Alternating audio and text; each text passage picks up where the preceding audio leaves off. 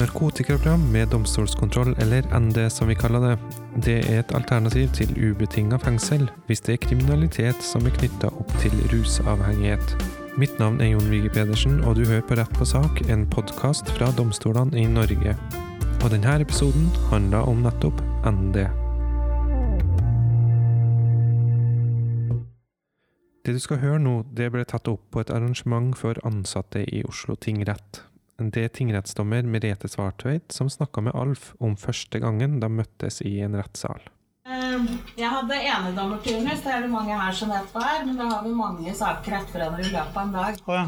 Og du var midt på dagen, det var lunsjtid omtrent. ja. Husker jeg. Eh, Og du var sikta for en haug. Bilinnbrudd og litt forskjellig Ja. tullball. Ja, oppå et uh... Parkeringshus på Marienlyst. Ja, stemmer det. Du husker det godt, Ja. ja. Eh, Og du hadde tilstått nesten alle, og forslaget til straff var en kort ubetinga dom. Husker du hvor lenge?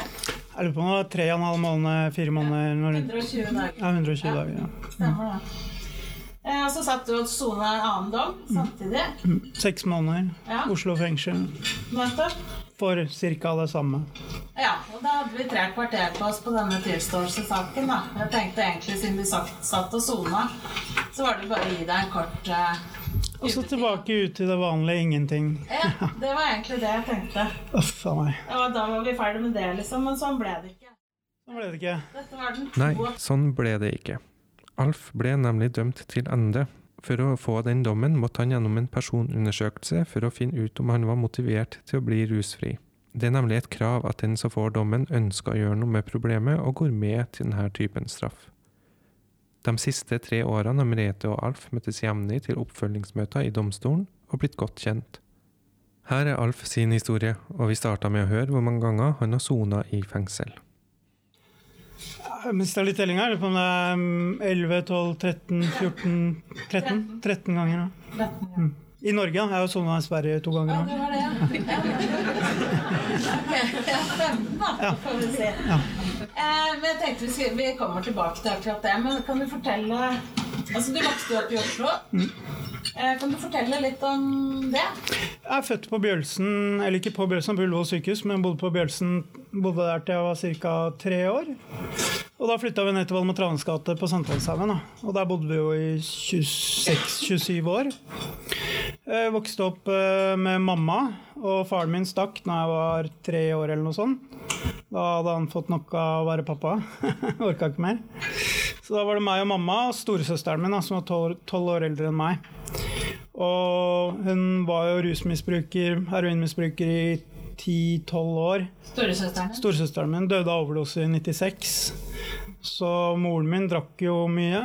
Mye alkohol, mye fest og moro, mye, mye folk hjemme og mye på grillen på andre sida av gata og drakk øl. Og... Så jeg fikk jo litt sånn rus og for så vidt kriminalitet. Jeg var jo med søstera mi ute og stjal biler og sånn, og hun passa meg da når jeg var seks-syv år gammel. Så første gang jeg kjørte i en stjålet bil, da var jeg jo tror jeg var sju år. Jeg. Satt på med søstera mi og typen hennes. Da Da lærte jeg at eh, når du skal gjennom bomringen, da, så måtte du ta ned den der solgreia, for da så de ikke ansiktet ditt i, når du tok bildet. Noen av oss har sikkert vært borti det med saker. Ja, ja. Så jeg fikk det jo tidlig inn, da. Det gjorde jeg jo. Jeg var jo seks år første gang jeg røyka hasj.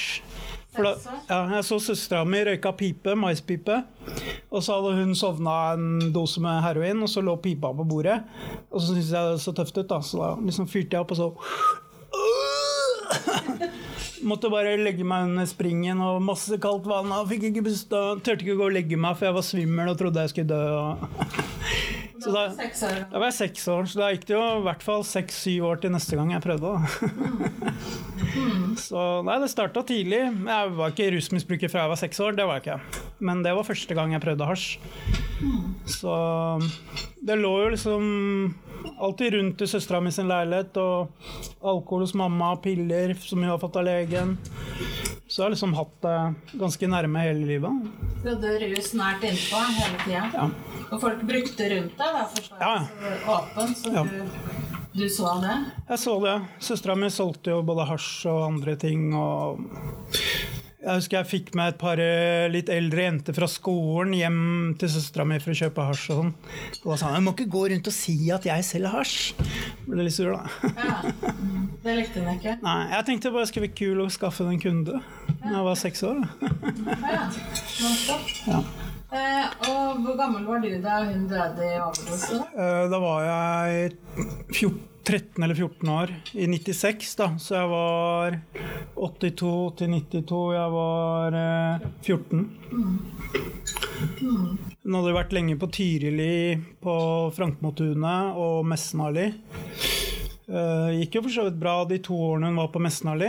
Og så var det tilbake igjen til samme greiene. Det var jo veldig dårlig rusomsorg den gangen. Og så var det oppe på Frankmotunet i tre, to og et halvt, tre år, tror jeg. På 90-tallet.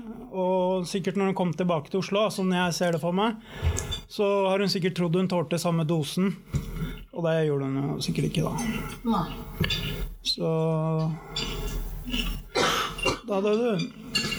Og relasjonen til faren din, da? Hvordan ble det Nei, det har jo vært ikke-eksisterende, egentlig. Han bodde jo sammen med oss til jeg var to-tre år. Tre, kanskje fire, jeg er ikke helt sikker på årstallet der. Men uh, Og så møtte jeg han et par ganger i løpet av oppveksten.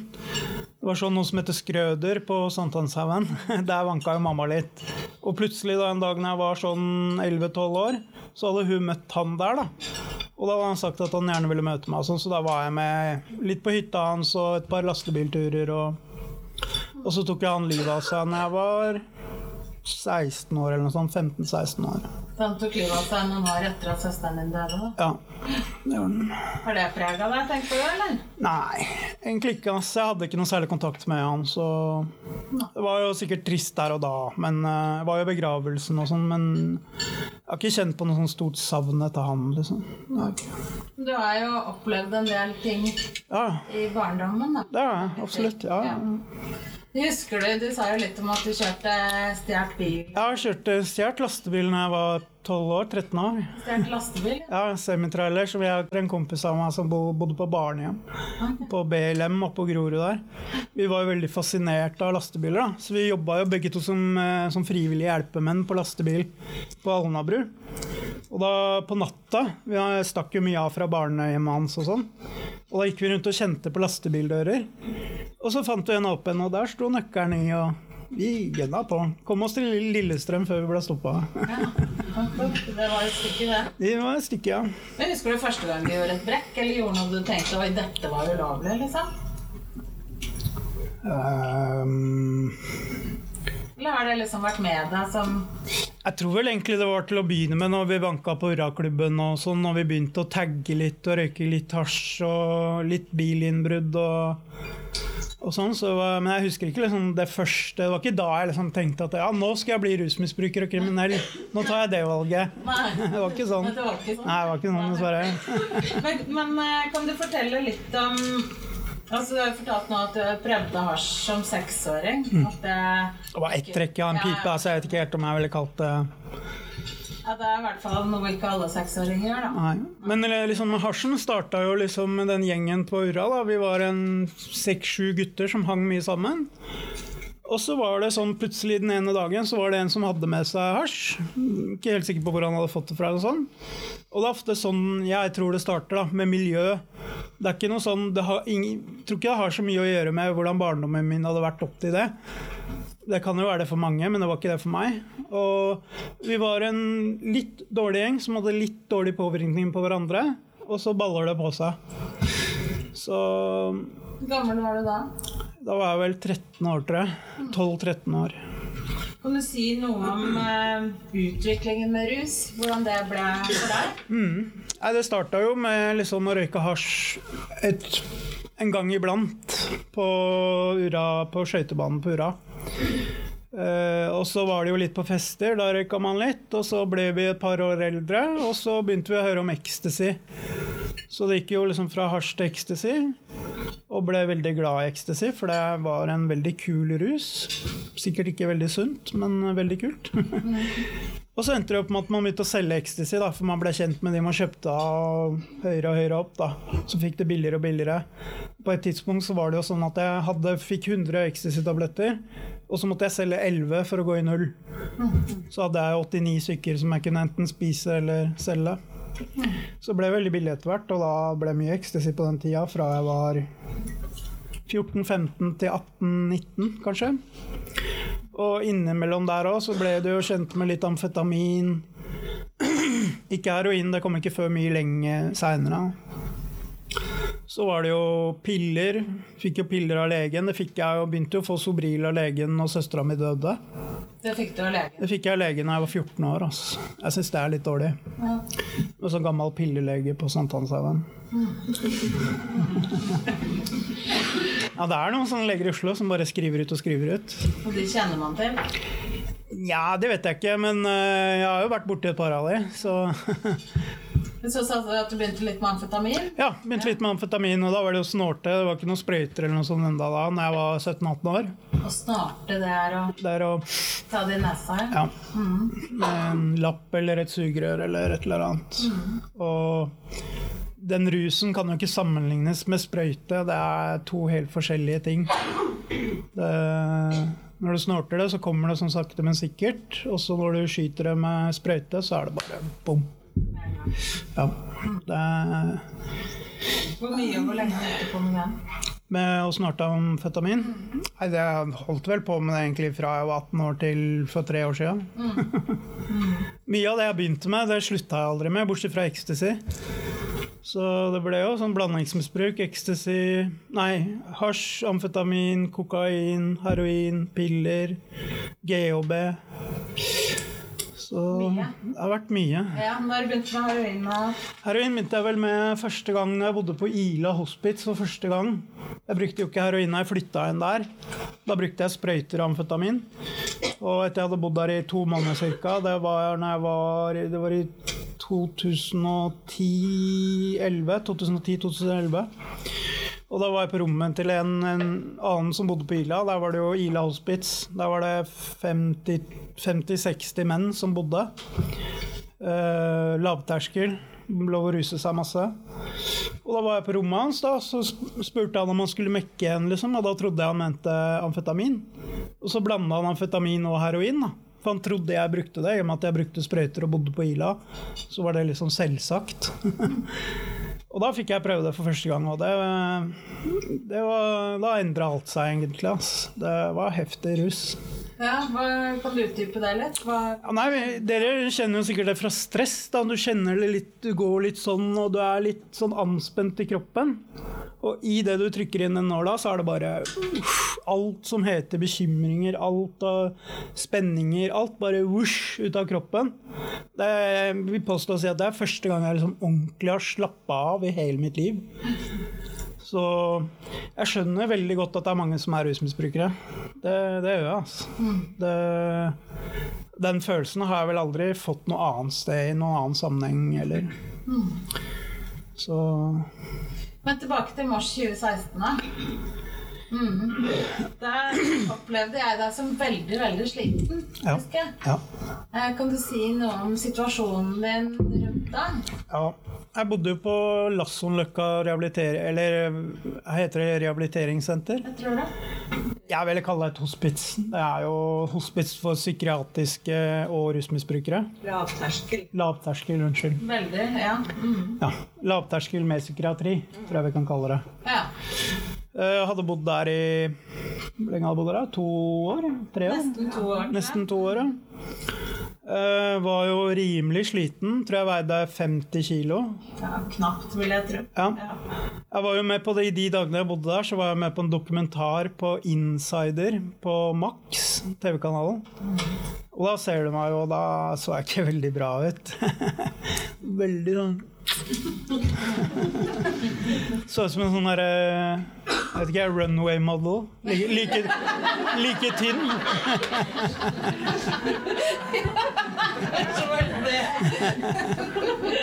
Samme vekta, i hvert fall.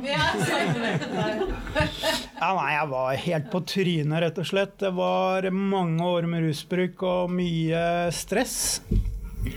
Du går jo og liksom tenker på at dette vil jeg ut av. Det er ikke noe, ingen som går rundt og er stolte av å være en rusmisbruker. Det er ikke noe positivt.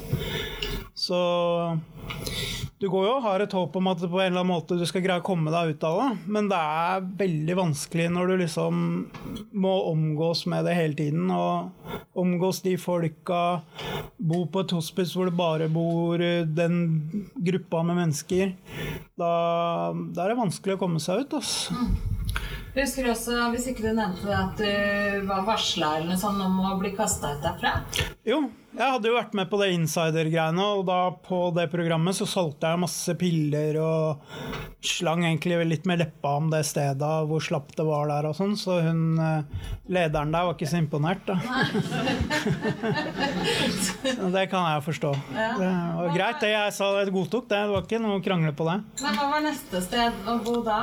Nei, jeg hadde vel egentlig ikke noen sånn veldig plan. Det hadde blitt et annet hospits eller hjem til moderen, eller Jeg visste jo at jeg skulle inn og sone om noen måneder. Det visste jeg jo. Men uh, plutselig en dag 15.2 på morgenen da, så våkner jeg av en eller annen som rister litt i meg. Da våkner jeg med politi med skjold og gunner og liksom Ja, bare vis oss hendene, hold hendene der vi kan se det. Ja, jeg bare øh. Det er ikke første gang, men uh, det er ikke noe moro for deg, liksom. Hva var det for noe, da? Nei, har, Det var en som hadde En jeg hadde møtt en eller to dager tidligere oppe hos en kamerat jeg hadde vært og kjøpt noe heroin som spurte om noen falske legg. Og så hadde jeg drivet eksperimentert med printer og prøvd meg fram. Jeg hadde ikke fått det til, men jeg sa jeg kan sikkert se om jeg kan, jeg kan prøve. Og så hadde han blitt stoppa av politiet med noen falske legg. Og da hadde han jo sagt at han hadde kjøpt det av meg. Så det var derfor politiet kom hjem til meg, da. men de fant jo ikke noe. Jeg hadde jo ikke lagd noe til han heller, så så det var god gammeldags tysting. jeg husker da vi møttes da i mars eh, for tre år siden, så tok jeg Jeg visste ikke helt hva jeg skulle gjøre, for jeg hadde ikke gjort det før. Så jeg tok en pause. Du visste ikke hva ND var? Nei, jeg hadde aldri hørt om det. Nei. Litt slapp advokat. Nei, nei det Nei, det ikke, altså. Nei. Det var ingen som hadde hørt om det, egentlig. Ingen i, blant de jeg kjente, eller aldri lest om det. Ingenting. Nei. Så det var helt ukjent. Så jeg noen brosjyrer og noe greier, og så løp jeg ned i kantina, for det var midt på dagen. Eh, og da møtte jeg Nina eh, og en gjeng med andre da, som satt der, og jeg spurte hvordan skal vi få til dette? Hvordan skal vi få til å få prøvd ut om dette han kan være noe for, for Ende? Og da fikk jeg masse gode råd og kom tilbake og fortalte deg eh, litt om Ende. Og så sa du ja til å prøve det. Um, det var jo den muligheten ut jeg har leita etter. Ja, for, det, så, så til... for, du sa jo at du var motivert til, var motivert ja, til dette. Mm. Men var du egentlig det? Jeg vil si jeg var det. altså Hver gang jeg har sittet i fengsel og liksom fått den lille nyktre perioden, så har jeg vært ja, ja, Det har hendt jeg har røyka en joint en gang iblant. Ganske sjelden. Så jeg har vært supermotivert idet jeg sitter inne og er blitt nykter og fått lagt på meg litt og tenkt meg om litt. Men så er det det når du slipper ut til et hospits og ingenting da blir det vanskelig, ass. Det er klart Jeg kunne sikkert vært mer aktiv og jobba mer for det mens jeg satt inne og fått plass på institusjon og sånn. Det, det, kunne jeg nok. Så det er ikke, ikke bare Nav eller hvem det er sin feil. Det er nok litt min feil òg. Men hvorfor sa du ja til MD akkurat den dagen her, da? Jeg vet ikke. Jeg lurer på om kanskje det var da jeg blei sånn ja-menneske. tror det. Ja. Jeg vanligvis når det har vært noen spørsmål fra Nav ja, vil du være med på det tiltaket og det, og vil du bli med på det ja, Jeg vet ikke helt med det, jeg må tenke litt på det. Ja. Jeg vet ikke, jeg syns det virka interessant. Det, det, kunne jo ikke skade, liksom. Det, og så er det jo liksom når du sitter og tenker mer, mer fengsel Det er jo ikke woohoo! det er ikke det du gleder deg mest til, liksom. Så tenkte jo litt på det òg. Men jeg tenkte jo helt reelt at det kunne være en mulighet her til å bli nykter. Mm. Jeg hadde jo lyst til det. Og den greit du, da. Ja. Og mens du sona den straffen som du da satt inne for, så, mm. så utarbeida Anne-Ma Rønn, som sitter her fra kriminalomsorgen, en personundersøkelse som er vilkår for å kunne pådømme det. Mm. Eh, og da den var ferdig, så var det bare en ti dager eller en uke til du skulle slippe ut. da. Ja. Eh, Så vi måtte handle litt raskt og få deg fort inn. Og Elnes kom på plass, og det var eh, mye som skjedde i løpet av den uka. Ja. Men vi fikk i hvert fall eh, avsagt den dommen. Mm. Um, kan du fortelle litt om hva som skjedde etter dommen? For det, det gikk jo også litt sånn Mm. Det mener fra jeg slapp ut av fengselet. Ja, Ja. for du slapp jo ikke helt ut. Nei, jeg slapp jo ikke helt ut. Jeg ble jo kjørt av eh, Jeg husker ikke hva han heter, men avdelingslederen på avdeling 8 på, på Grønland, Oslo fengsel. Ja. Hun også en annen kjørte meg jo fra arresten opp til Synningom. Langt inn i skogen oppe i Nord-Odal. Så ja. For alle var enige om at Alle var enige om at ja, ja. På den personundersøkelsen så hadde Annema spurt litt folk rundt meg hva de syns, da. Og alle syntes jeg skulle ut av Oslo. Ja. Og da ble jeg litt fornærma, for å være helt ærlig. Liksom, hva? Det klarer jo dette i Oslo, jeg. Det går bra. Men det er jeg jo sjeleglad for i dag, at uh, noen andre hadde litt mer fornuft enn det jeg hadde. Men Synningom, Mm. var dit du kom. Det var dit jeg kom. Jeg hadde jo egentlig plass på fredag. Eller jo, men det var ikke klart ennå. Så jeg skulle bare en periode innom Synningom noen måneder før jeg kunne komme på fredagen. Da. Og der var det jo Det lå Jeg husker ikke om det var eh, 11 km eller noe sånt fra Skarnes, da, så bare rett inn i skogen. Og gikk bussen gikk der, tror det gikk to busser om dagen eller noe sånt, så det var ganske gudsforlatt, liksom. Men veldig hyggelige folk. Jeg fikk en utrolig bra primærkontakt, Unni. Hun har vært eh, helt ek eksepsjonell. Det har vært mange eksepsjonelle i denne historien. det er det. Nei, så Det, var, det passa meg midt i blinken. Da kunne jeg lande der. Det var ikke noe sånn super gruppemøter hver dag og noe sånn intensivt eh, opplegg der. Du kunne slappe av, kom, liksom, tenke deg litt om, da, bruke litt tid på å fete deg opp og finne ut hva som er der i Oslo av jobb og bolig, og liksom få tid til å forberede seg. Så etter å ha vært der i tror det var fire-fem måneder, så skulle jeg jo egentlig på Fredheim, men da avlyste jeg den plassen. Og så fikk jeg bli på Synningom, da. Det var jo der i to år. Litt over to år. Så Ja, var du der så lenge? ja, jeg var der fra august 2016 til eh, juni 2018. Ja. Ja, to, rett rundt to år. ja, rett rett, ja. Kan du si litt om opplegget på Syninga, og hva dere jobba med der? Du sier at det er midt i skauen, langt fra folk. Ja. Eh, hvor mange var dere som var der, og hvordan jobba Jeg tror det var maks så var det 22 plasser, men det var som regel rundt sånn mellom 15 og 20. Alle hadde eget rom med TV-uttak, så det ble jo mye å sitte og se på TV. Så var det veldig god sånn husmannskost. Flesk og duppe og fårikål og kjøttkaker og Og så var det treningsrom nede. Det ble ikke sånn veldig mye brukt, men det var der. Eh, Og så var det veldig fint eh, naturområde der. Det var skog med stier og vann og Veldig sånn idyllisk på sommeren, da, vil jeg merke. Vinteren var ikke så idyllisk. Eh, nei, så det var mye å gå på tur og, og sånn. Så selve på Synningen så var det ikke noe sånn veldig tett opplegg som var eh, nedfelt i noe mandat eller noe sånt nå. Men det var litt opp til hver enkelt. Og så hadde jeg en superbra primærkontakt som liksom pusha meg og dytta meg i riktig retning. Se her, eh, dette er bra. Og så sa jeg ja, ja, det gjør vi.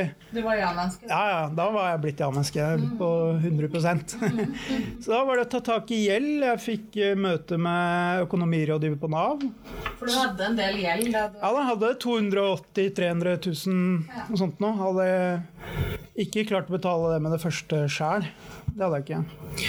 Så det ble gjeldsordning da, hos namsmannen her borte. Etter hvert. Øh, kjempebra. Fikk ordna opp i. Vi prøvde først å nøste opp i hvor mye det var sjæl, og ringte rundt og krangla med folk. Eller hun ringte, jeg satt og hørte på. Så nei, hun har vært helt rå. Det, og vi var jo på Fyll dagene-messen. Er en sånn messe som velferdsetaten har, hvor nyttig arbeid bl.a. Uh, masse forskjellig Tyrili, Uteseksjonen, alle sånne utstillere. Så er det en sånn jeg vet ikke, jobbmesse. Det? Ja.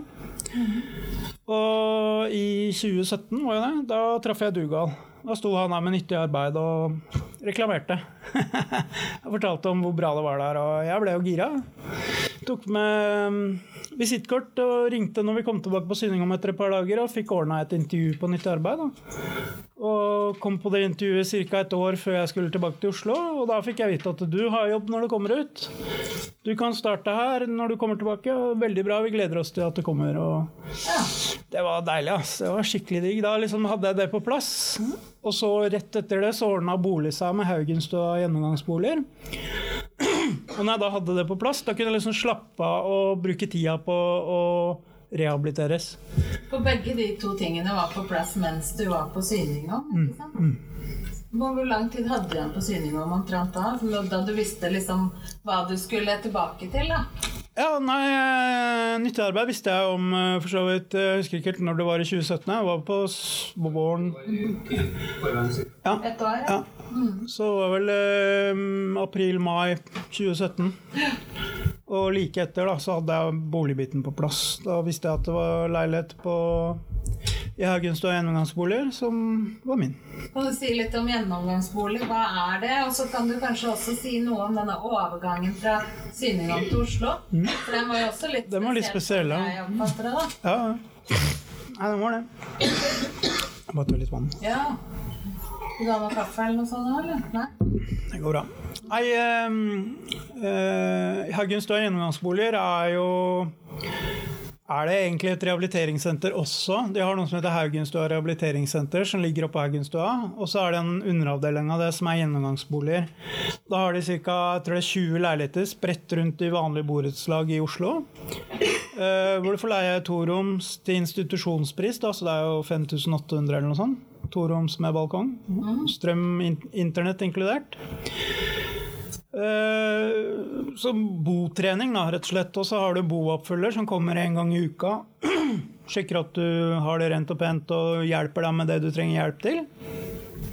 Veldig bra tiltak. Eh, Det er liksom et steg videre fra Synningom som er institusjon. da. Det er en institusjon, det òg, men det blir ikke helt det samme. fordi fire, fire, nei, seks og en halv dag av uka er du helt aleine. Det er bare den ene timen mens de er der, liksom. Men så har du jo de i ryggen hvis det skulle være noe, da.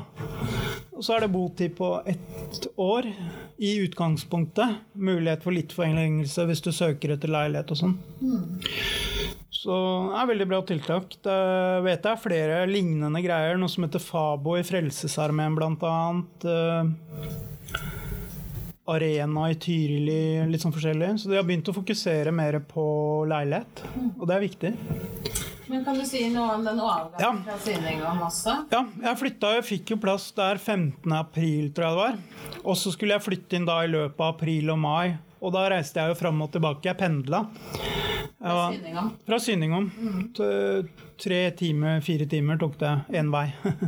Så det ble mye tog og buss, fordi jeg ville ha en, noe som heter en myk start, da, som vi ble enige om, jeg og Unni. At det var lurt. Primærkontakten. Primærkontakten min, ja. Vi ble vel egentlig enige med deg og ND og om det. At det var lurt. Og da var det jo et par dager i leiligheten, og så tilbake en uke, og så et par dager til, og så tilbake en uke.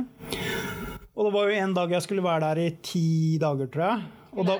I leiligheten, ja. Det var liksom første litt lengre perioden jeg var alene. Og da skulle jeg begynne på nyttig arbeid, tror det var 1. juni eller noe sånt. Og de bare Skal du sitte alene i ti dager uten å gjøre ting? Det høres ikke så lurt ut. Kom til oss. Ja. Så da starta jeg litt tidligere på nyttig arbeid. Da, og var med, jeg var med på bil og bare møbler og snekra litt. Og, ja, snekra var det på Ullevål. Mm. For det som var litt annerledes med dette, sånn jeg oppfattet det, var at du hadde plass på syningen. Jeg hadde plass to steder, Ja. mm, så kommunen betalte jo for to plasser. ja. Og du kunne velge sjøl. Altså, Trengte du tettere oppfølging, kunne du dra på syningene? Var det greit med litt luft, så hadde du leiligheten. Ja, jeg må bare si det at alle, alle i hele Eller alle de som har vært i min sak, da, Nav, LAR, ND, du, Synningom, Nyttig arbeid Alle har liksom vært helt fantastiske. Alle har trukket i samme retning. Alle har Det er liksom ikke noe sånn Tidligere så opplevde jeg litt sånn ansvarsfraskrivelse. Nei, det er ikke vårt eh, departement eller et eller annet sånt. Da. Mens nå var alle på lag, da, og det funka veldig bra. ass. Så jeg har vært veldig heldig òg, da. Sies. Det er ikke alle ansvarsgruppemøtene det er elleve stykker på hver gang, tror jeg. Nei, det tror ikke jeg. Men hva var du spent på, Alf, når du skulle flytte tilbake til Oslo? Nei, var jo, risikoen var Jeg var jo veldig spent på det å møte gamle kjente. Jeg gjorde jo noe veldig veldig viktig når jeg kom på Synningholm. Da bytta jeg Facebook, sletta den gamle, bytta Facebook, bytta navn, bytta telefonnummer. Liksom jeg kutta kon ordentlig kontakten med alle de jeg kjente før. Det var litt vanskelig sånn til å begynne med, helt til jeg begynte å tenke etter litt. Og liksom de jeg anså for å være mine beste venner i det miljøet. Jeg hadde jo sovna i et parkeringshus, og når jeg våkna, så hadde de stjålet skoa mine, ryggsekken min med PC-en min, så jeg måtte gå i sokkelesten hjem fra byen. Det var beste Det var best, de beste vennene mine, liksom. Og da tenkte jeg at det er ikke så mye å savne det, ass. Det er ikke det. Har du kontakt Så- med noen i rusmiljøet nå? Nei, ingen. Så jeg har bevisst holdt meg litt unna Brugata og de verste belasta områdene. Da. Og det hender jeg får en venneforspørsel på Facebook, men det bare, bare sletter jeg. liksom. Før så hadde jeg jo 400-500 venner på Facebook, nå har jeg 28 eller noe sånt. Så det er litt forskjell, men uh... Jeg husker du fortalte en gang også at når du skulle gjennom byen, så tok du gjerne bussen rundt i stedet for å ja. bytte buss i sentrum. Ja. I går så var jeg på Tyrili, Skien, og når vi tok toget tilbake da, istedenfor å gå av på Oslo S, gikk jeg på Nationaltheatret, og så tok jeg T-banen derfra. Ja. Så det er sånne små, ganske enkle ting. bare for å... Det, jeg har jo vært mye på nyttig arbeid i Storgata, rett over gata på sprøyterommet. Det går jo helt fint, men jeg liksom Jeg gidder ikke å utsette meg for mer risiko enn jeg trenger. Da. Så jeg har fått det veldig på avstand nå, men jeg vet jo at det bare skal bare et svakt øyeblikk til, og så er det jo rett tilbake, liksom. Så viktig å ikke bli eplekjekk. ja, ja. Men du snakka om nyttig arbeid, og du jobber jo der nå. Du ligger oppe på Ullevål, eller der du har Ja, jeg har eh, fire-fem avdelinger. Fire avdelinger, fem avdelinger. Det er KKS, kurs- og konferansesenteret, Storgata 52. 51. Eh, Der er hovedkvarteret til velferdsetaten. Mm, Der er det kurs- og konferansesenter, og så Det er er også i regi av Oslo kommune, ikke sant? Det er velferdsetaten. Ja, sånn som Syningom også Ja. eh, er. Det har vært velferdsetaten hele veien, egentlig. Men så sa du kurs og konferanse. Kurs og konferanse, og så har vi Ullevål. Der driver vi og restaurerer en låve. Veldig kult snekkerarbeid med, med en tømrer som er veldig flink, Erik. Og så har vi Kampen. Der er det miljøstasjon, og de driver og kjører hen til møbler og leverer til butikken og hjem til folk som har behov for møbler gratis. Så nå skal vi flytte inn i ny butikk i Østensjøveien. Gamle kvinnehuset eller noe sånt, stemmer det? Ja. Så det blir veldig spennende. Der er det jo masse møbler. øh, Sånn som jeg, jeg fikk jo møbler derfra. Send inn rekvisisjon med en fra Nav. Så kan du komme og velge deg møbler og masse kule møbler. Sofaer og kjøleskap og Hvor mye jobber du der nå? Nå jobber jeg hver dag. Du jobber hver dag? Jeg jobber halv dag da, hver dag. Ja, ja. Jeg starta jo med 100% men det ble litt mye. Jeg gikk jo liksom fra to halve dager til fem fulle dager på en uke. Du gikk fra null. Ja, ja. Jeg hadde ikke jobba på 18 år. Jeg skulle til å si det. 17-18 år. Når var siste jobb du hadde? Nei, det var 2003. 2002-2003, når jeg fikk kreft. Ja. Så, ja, Det glemte jeg å si. Jeg hadde kreft Ja. når jeg var 18 år. 19 år. Testikkelkreft med spredning til mage og lunge. Fem cellegiftkurer og to operasjoner. Mm. Det ble du frisk av. Det ble jeg frisk av. Så det var tøft, det. Det var egentlig verst, verst for familien. Ja, jeg har vært gjennom en del. Har det. Men dette med arbeid, hva har det betydd for deg? Nei, det har betydd ekstremt mye, ass. Det har, jeg vil si det har utgjort forskjellen. Hvis jeg bare skulle susa rundt i byen og ikke gjort noen ting, så hadde det ikke gått bra. Så det å ha et så bra fellesskap som det er på nyttig arbeid, det er jo helt råe folk, liksom. Og alle heier på deg, alle jobber for at du skal klare deg og gjøre det bra. Vi er jo 40 stykker eller noe sånt som jobber der. Og nei, det har betydd ekstremt mye, ass. Det har, det har gitt deg litt sånn menneskeverd tilbake, på en måte. Du føler at det har vært noe, at du kan noe. Jeg så jo bare for meg uføretrygd og sitte og spille PlayStation. Det var det jeg tenkte jeg skulle drive med. Så det er veldig moro. Det har betydd veldig mye. Du sa noe til meg en gang som gjorde veldig inntrykk på meg, at du, har et sånt arbeidskort som du henger på utsida av jakka, sa du. Ja, jeg ble litt gretten på Dugal når jeg spurte Å, får du ha på oss arbeidsklær hjem.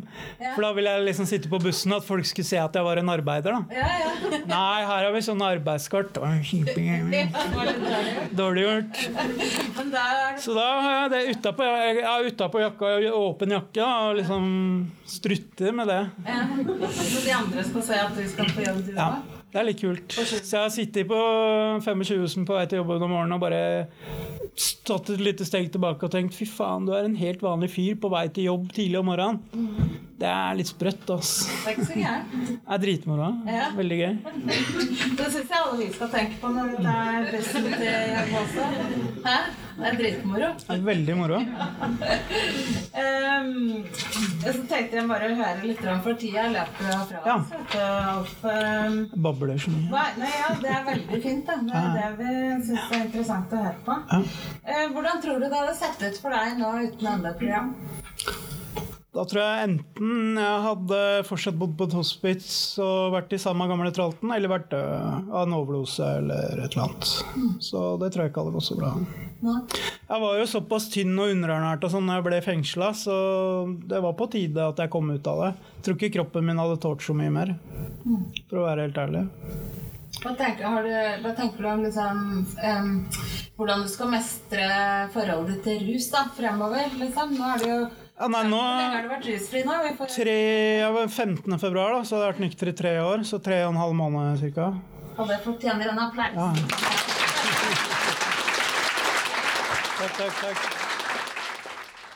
Og med applausen forlater vi Alf, som fortsatt er rusfri og i ferd med å utdanne seg til erfaringskonsulent i regi av Oslo kommune. ND har vært landsdekkende siden 2016, og i 14 av domstolene i landet er det såkalte ND-dommere som Merete. De følger opp på dem som er med i programmet, og av dem som får tilbudet å være med, er det da en tredjedel som takker nei, en tredjedel som ikke klarer seg, og en tredjedel, som Alf, som kommer seg gjennom det. Du har hørt på Rett på sak, en podkast fra domstolene i Norge.